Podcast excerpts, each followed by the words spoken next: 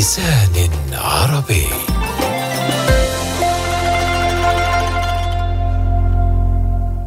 بلقيس شرارة حكاية الأيام التي مرت. كان يسيران معا طوال ستة عقود. يظللهما بيت واحد في الوطن وفي الغربة. عندما انكسر فجأة هدوء الحياة وتراجعت السكينة. القلق غمر المكان ونقل رفعة الجادرجي إلى المستشفى. وتركها وحدها لتواجه وحشة البيت والشارع والحياة.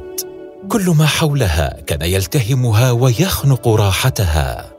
في ذلك الوقت قررت بلقيس شيئا.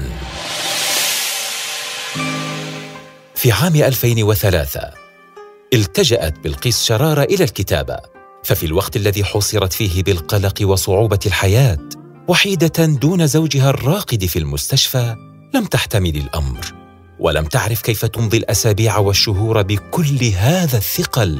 يومها جلست أمام مكتبها من النافذة تطل على لندن الباردة وفي رأسها وعلى أوراقها كان الماضي يعود عراقيا دافئا وبعيدا جدا.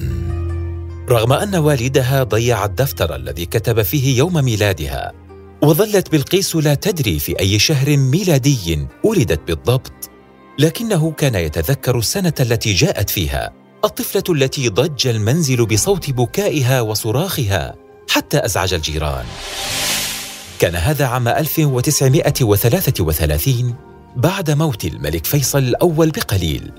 وفي السنة التي أطل فيها هتلر على العالم ربما لهذا كانت بلقيس في شهورها الأولى لا تتوقف عن البكاء مما جعل جيرانهم في النجف يطلون برؤوسهم من خلف الجدران ليطلبوا من الأم إسكات طفلتها قليلا فالليل قصير والنوم عزيز. لكن بلقيس لم تكن تكترث. كانت بلقيس الطفلة الثانية لوالديها اللبنانيين. قدم والدها محمد شرارة للدراسة الدينية في النجف ثم عاد إلى لبنان ليتزوج. ولم يمكث قليلا هناك حتى جاء مرة أخرى إلى العراق. وأسس لحياته وحياة عائلته الصغيرة فيه. ترك العمامة وارتدى الملابس المدنية.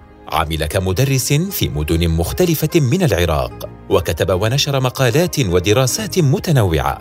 وكان بيته مفتوحا للكتاب والشعراء والمثقفين على الدوام. يجتمعون ويتناقشون فيما يحدث داخل العراق والوطن العربي. وفي هذا الجو نشأت بلقيس.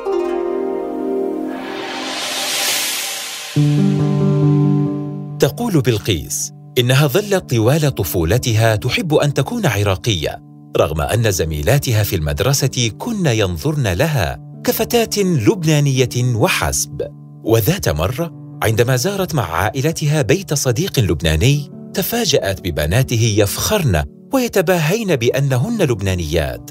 لم تفهم بلقيس هذا فهي لا تريد سوى أن تكون عراقية وأن يراها العراقيون كذلك. رغم صعوبة الأمر فبلقيس تعترف في النهاية بأن العراقيين من الصعب أن يعترفوا بعراقية الآخر. فقد ظلوا يرونها كفتاة من أصل لبناني حتى بعد أن تزوجت عراقيا وعاشت حياتها كلها في هذا البلد ومرت بكل تجاربه الحلوة والمرة.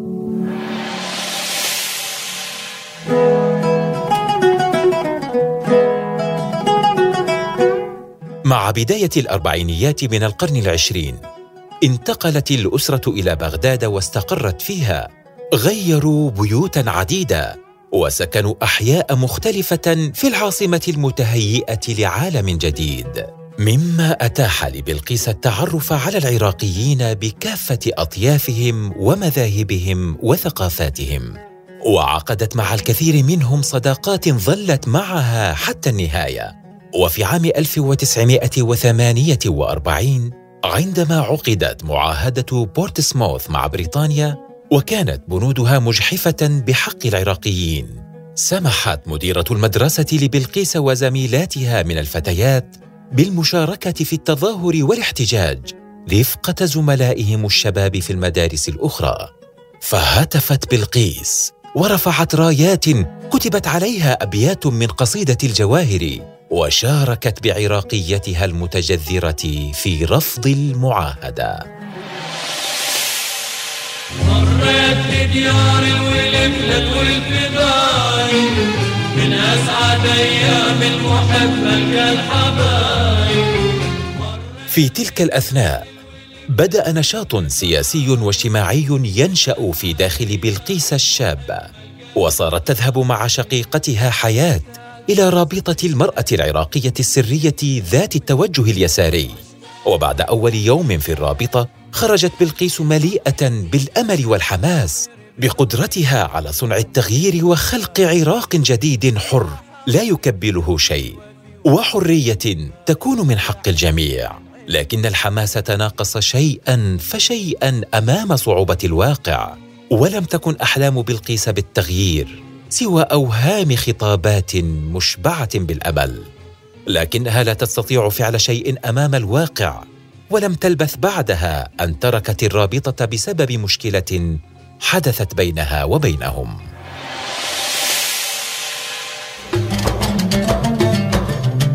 أرادت بلقيس تحقيق حلمها والذهاب إلى بريطانيا لدراسة الأدب هناك. فقد شغفت بالأدب المترجم خلال مراهقتها لكن البعثات توقفت عام 1951 مما ضيع عليها فرصة السفر. لكن ذلك منحها فرصة الدراسة في كلية الآداب ببغداد والجلوس في مقاعد كان أساتذة كجبر إبراهيم جبر يدرسون فيها. ظلت خلال ذلك الوقت مصرة على موقفها من عدم الانتماء لأي رابطة أو جمعية تعنى بالسياسة. لكنها لم تتوقف عن التبرع لها أو التحمس لبعض أفكارها. وفي عام 1952 اندلعت انتفاضة طلابية بعد فصل أربعة من طلاب الكلية. كان الشباب يتجمعون أمام كلية الآداب ومنها يسيرون إلى أماكن محددة للوقوف والاحتجاج. ورغم أنها لم تشارك في البداية واكتفت بالوقوف عند باب الكلية والهتاف معهم. لكن بلقيس. وفي اليوم الثاني والعشرين من تشرين الأول شاركت وسارت مع الطلاب في احتجاجهم. حتى فرقهم الرصاص والغاز المسيل للدموع. واستطاعت بقدرة عجيبة الهروب عبر أزقة بغداد والوصول إلى البيت. في البيت كان القلق يملأ الأجواء من ملاحقة الشرطة لها.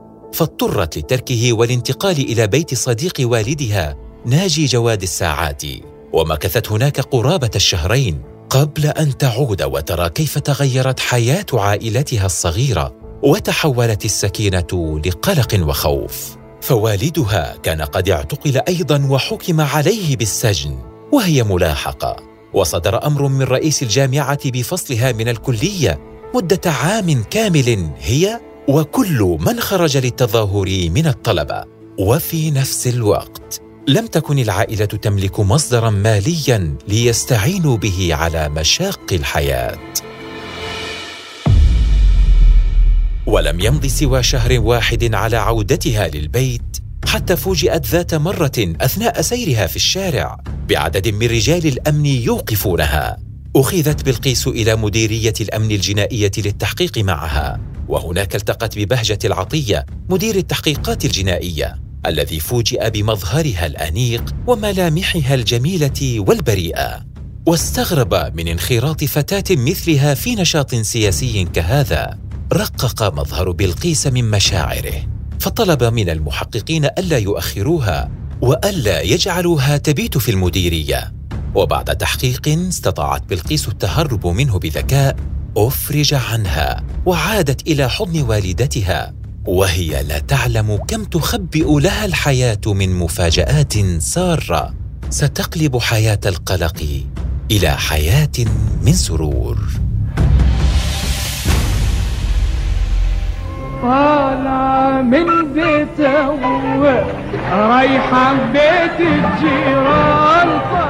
في تلك الأيام القلقة من حياة بلقيس وصلتها دعوة من الدكتورة سميرة بابان لزيارة بيتها والالتقاء بشاب وسيم كان عائدا للتو من دراسة العمارة في بريطانيا. ورغم ترددها وخوفها من فكرة الزواج غير أنها حسمت أمرها وذهبت. وهناك التقت بالشاب الذي عرفت منذ أول لحظة رأته فيها أنها ستكمل حياتها معه. كان رفعة الجادرجي طويلا وانيقا يتكلم بهدوء وتان بأفكار واضحة وجريئة. أعجب ببعضهما من أول لقاء حين عادت للبيت وحكت لأمها. كانت قد حسمت أمرها بالموافقة على الزواج منه. مسكين قالت لي روح يا مسكين بدأت معه بالنقاش حول شكل حياتهما. وترتيب كل التفاصيل والاتفاق على كل شيء. التقيا مرات عديدة في أماكن عامة ببغداد ورتبا شكل حياتهما المقبلة وخاضا نقاشات كثيرة فكرية وأدبية. اكتشف من خلالها تشابههما وتقاربهما الفكري ورغبتهما بإكمال هذا الطريق معا. وما إن خرج والدها من السجن حتى زاره والد رفعت السياسي المعروف كمال جادرجي وفتحه في موضوع خطبة الشابين ولم تمض سوى أيام قليلة حتى عقدا قرانهما وبدأت حياتهما المشتركة المليئة بالمغامرات والشخصيات المثيرة والأوقات الغريبة. قل يا حلو منين الله جابه؟ وضعت بلقيس شرار العصمة بيدها إذ كانت مسألة أن يكون أمرها بيد أحد آخر شيئا لا تطيقه ولم يعارضها رفعت واختارت لعقد قرانها فستانا لونه أسود على غير عادة الفتيات المقبلات على الزواج حيث يكون الأبيض طاغيا. وهذا أثار انزعاج والدة رفعت إذ قالت لها فور أن رأتها عروس ولابسه أسود؟ فالأسود كان لون الحزن والتشاؤم بالنسبة لثقافة المجتمع وليس لونا يلبس في الأفراح. لكن بلقيس لم تكن تكترث كثيرا لعادات المجتمع الغريبه وتراها غير منطقية في أوقات كثيرة.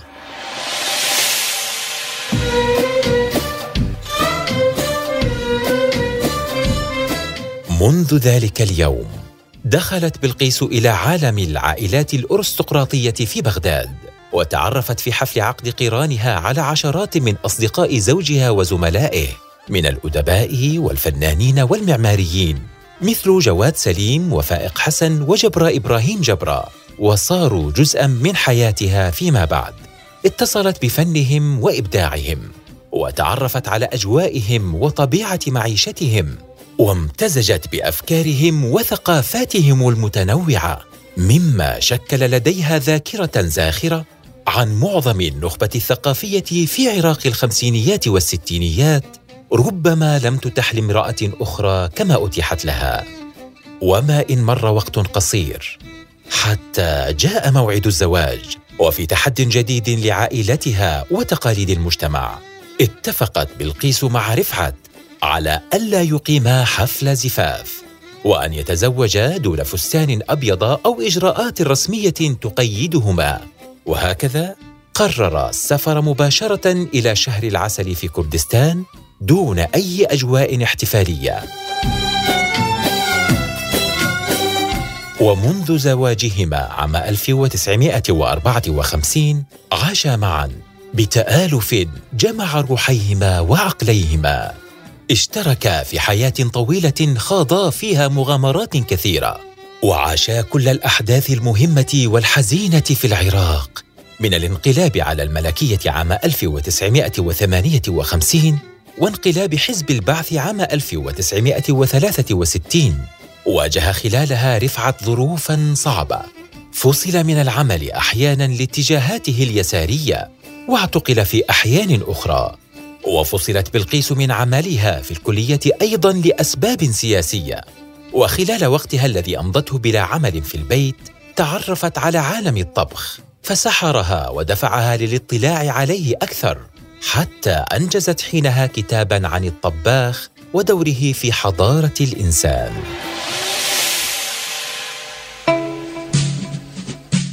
في عام 1982 سافرت بلقيس شرارة مع زوجها رفعت الجادرجي إلى الولايات المتحدة بعد أن وصلته دعوة من جامعة هارفارد. ورغم أن الدعوة كانت لمدة عام واحد غير أنهما قررا عدم العودة إلى العراق مرة أخرى. فالحياة فيه صارت صعبة أكثر من أي وقت مضى. والحرب العراقية الإيرانية في أول اشتعالها والأوضاع تضيق بهما وبمشاريعهما وخططهما. ظلا معا في الغربة وانتقلا من الولايات المتحدة إلى بريطانيا وهناك اختارا لحياتهما أن تستقر في نهايتها حتى جاء عام 2020 وحمل معه رحيل رفعت عن الحياة لتظل بلقيس بعده وحيدة تنهشها الذكريات والبعد عن الوطن.